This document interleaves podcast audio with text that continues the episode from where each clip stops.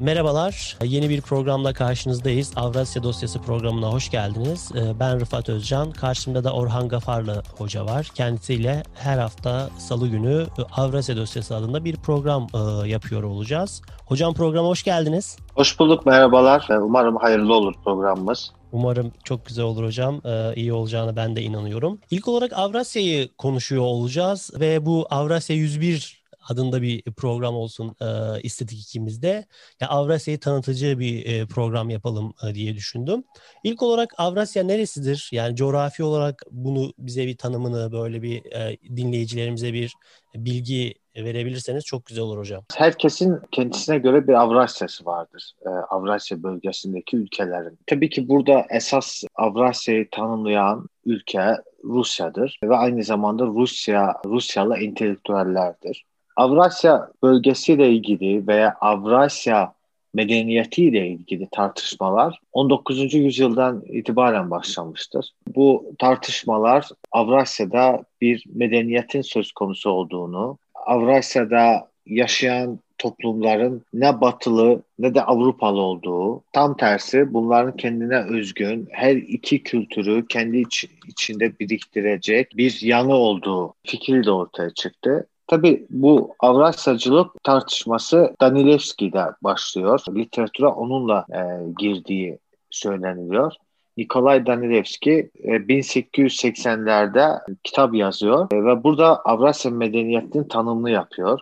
Tabii ki Avrasya medeniyetin tanımını yaparken bir bölgeden bahsediyor. O zamanki bu bölge e, Rusya, Doğu Avrupa, Balkanlar ve Yunanların yaşadığı bir coğrafi bölgedir. Aynı zamanda e, Rusya'nın, Rusya dediğimiz zamanda Tatarların, Moğolların da yaşadığı bir bölgedir. Ama burada temel mesele bu Avrasyacılığının köklerinin 3. Romacılığa gittiğini söylemek gerekiyor. Çünkü Avrasya medeniyetinin kurucusu ve bu medeniyetin olduğunu olduğundan bahseden Danilevski tekrardan 3. Roma'nın yani Bizans medeniyetinin kültürünün e, Konstantinopolis'te İstanbul'da tekrardan Slavların kurması gerektiği iddiasını ortaya atıyor. Ve bütün Slavların İstanbul'da birleşip yeniden bir Roma'yı kuracaklar ve bu Roma kendi içinde bir Avrasya medeniyeti ta, misyonunu taşıyacak. Avrasya medeniyetin kodlarını taşıyacak. Dolayısıyla tartışmanın bir kolu Türkiye'ye de bağlıyor.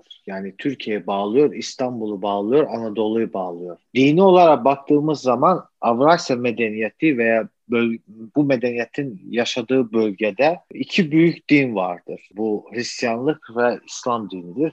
Ve bunların içerisinde iki önemli mezhep söz konusudur.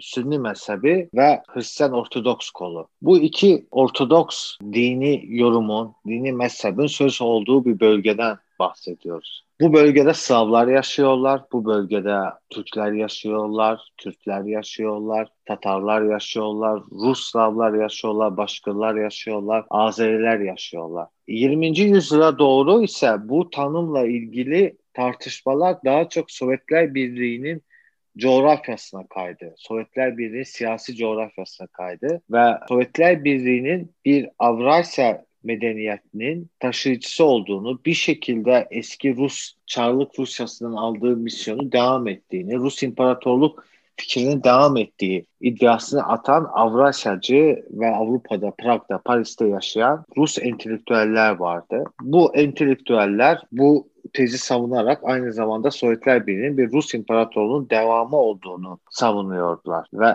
tarafın tutulması gerektiğini söylüyordular. E, çünkü Avrasyacılar genellikle komünist olmazlar. Onlar daha milliyetçi ve idealist bir felsefeye bağlı dinci bir gruptur Rusya'da. Fakat zamanla e, biz Sovyetler Birliği'ni e, savunanların ve Sovyetler Birliği sonrası ortaya çıkan birçok düşünürlerin Sovyetler Birliği'nin de bir Rus İmparatorluğu'nun devamı olduğunu ve Avrasya medeniyetin inşasında, temellerin daha da güçlendirilmesinde önemli bir rolü olduğunu görüyoruz. Tabii ki burada Stalin'in Sovyetler Birliği zamanı Rus kültürüne yaptığı vurgu ve Rusların her zaman öncelikli bir yer ayırması, ister İkinci Dünya Savaşı'nın kazanılmasında, ister Sovyetler Birliği'nin kurulmasında ve proleter sınıfın içerisinde en önde giden Rus kültürü olduğunu söylemesiyle ilgilidir. Bunun için de Avrasya tanımı yaptığımız zaman bugün biz e, şu bölgeleri ele alabiliriz. Orta Asya, bugün Rusya'nın yerleştiği, Rusya devletinin yerleştiği bölge,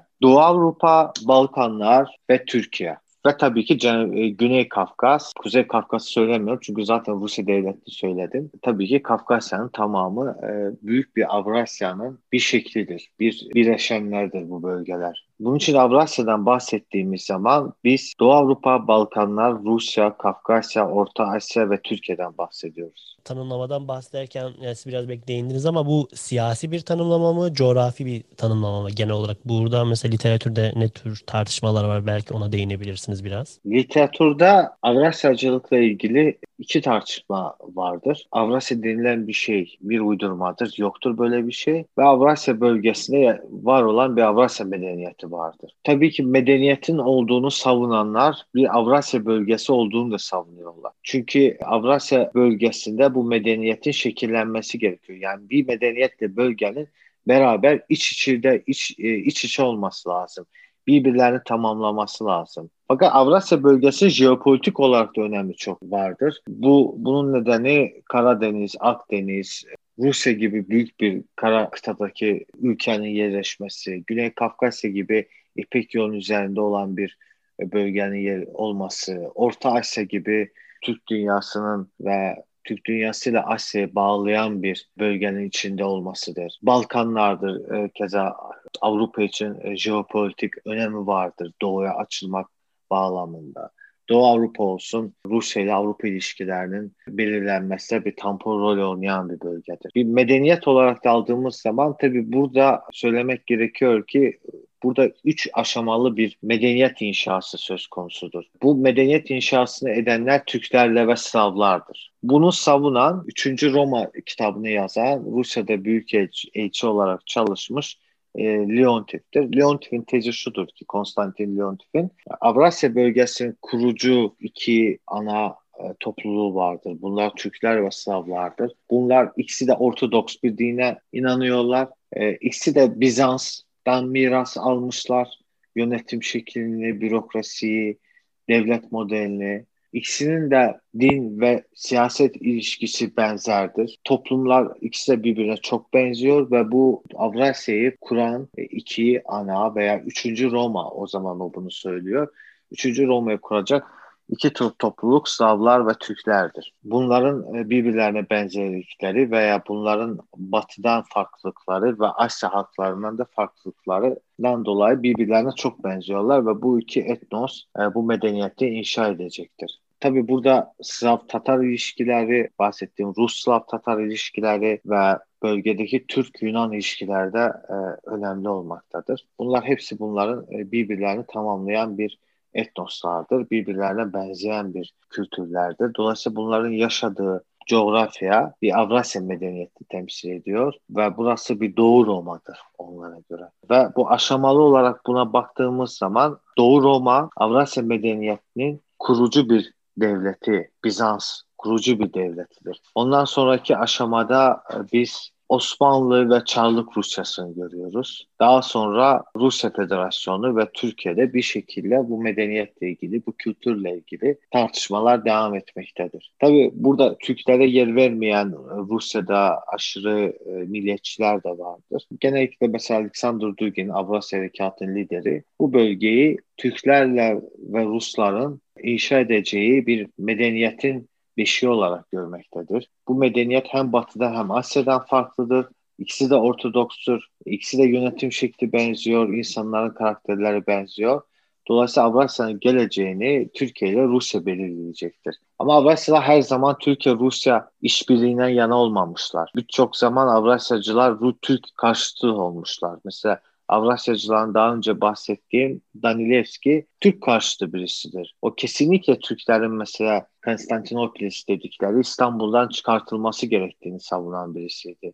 Ve Slavlarla Yunanların tekrardan Doğu Roma'yı, 3. Roma'yı kurabileceklerine inanıyordu. Fakat yıllarla daha sonra Tatar-Rus ilişkileri, Sovyetler Birliği ve yeni dönemde Rusya-Türk ilişkileri bütün Avrasya bölgesindeki entelektüeller veya bu akımı savunan insanlara şunu gösterdi. Türkiye ve Rusya olmadan Avrasya medeniyetinin şekillenmesi veya bu bölgenin bu bölgenin söz konusu olması, var olması literatürde mümkün değildir. Yalnız bu ikisi işbirliği yaptığı zaman bir Avrasya inşa edilebilir. Hem bölge olarak hem bir medeniyet olarak. Avrasya neresi, neresi olduğundan e, bahsettik. Bunun siyasi mi, e, coğrafi bir tanımlama olduğundan da bahsettik. Bir de ya Avrasya neden önemlidir? Neden önemsemeliyiz Avr Avr Avrasya'yı? E, buna da biraz değinebilirseniz sevinirim hocam. Şimdi Avrasya neden önemlidir? Çünkü bugün Avrasya bölgesi, bahsettiğimiz bölgede yaşayan insanlar veya bu bölgedeki ülkeler Batı ile Asya'nın ortasındadır. Jeopolitik olarak bu bölgeler hem Avrupa için hem Asya için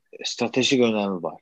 Bir geçit bölgesidir Avrasya. Yani Asya'dan batıya Avrasya bölgesi üzerinden geçilir. Benzer bir şekilde Avrupa'dan da Asya'ya veya Asya'dan Afrika bölgesine Avrasya üzerinden geçirdi. İkincisi e, bu bunun coğrafi bir önemidir, stratejik önemidir. Bu bölgede çok stratejik denizlerin, e, denizlerle çevrelenmesi, büyük bir kara kıta olması. İkinci önemli bir şey de bu Avrasya bölgesini savunan veya bu bölgede yerleşen bir Rusya söz konusudur. Rusya bir dünya gücüdür hala. Nükleer silahı olan bir ülkedir. Kendi askeri sanayisi olan bir ülkedir. Ve bu eski Sovyet coğrafyasında büyük bir etki alanı var. Ve bu etki alanını bir şekilde yeniden üretebiliyor, yeniden inşa edebiliyor ve korumaya çalışıyor. Diğer taraftan Türkiye vardır. Türkiye'de benzer şekilde doğuyla batı birleşen, e, geçtiği birleşmesini sağlayan bir ülkedir. Dört tarafı denizlerle çevrelenmiştir. Orta Doğu'nun kapısı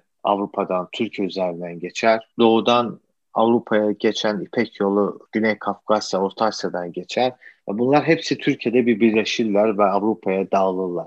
Yani İpek yolunun hem kuzey koridoru ve orta koridoru Avrasya bölgesinden geçer. Bu bölgenin özellikleri kültürel, ekonomik ve bu bölgede yerleşen ülkeler bu bölge önemli hale getirmektedir ve dolayısıyla jeopolitik olarak da önemi vardır. Diğer taraftan Rusya'nın e, Sovyetler Birliği dağıldıktan sonra 2013'ten itibaren inşa etmek istediği bir Avrasya Birliği, ekonomik birliği söz konusudur.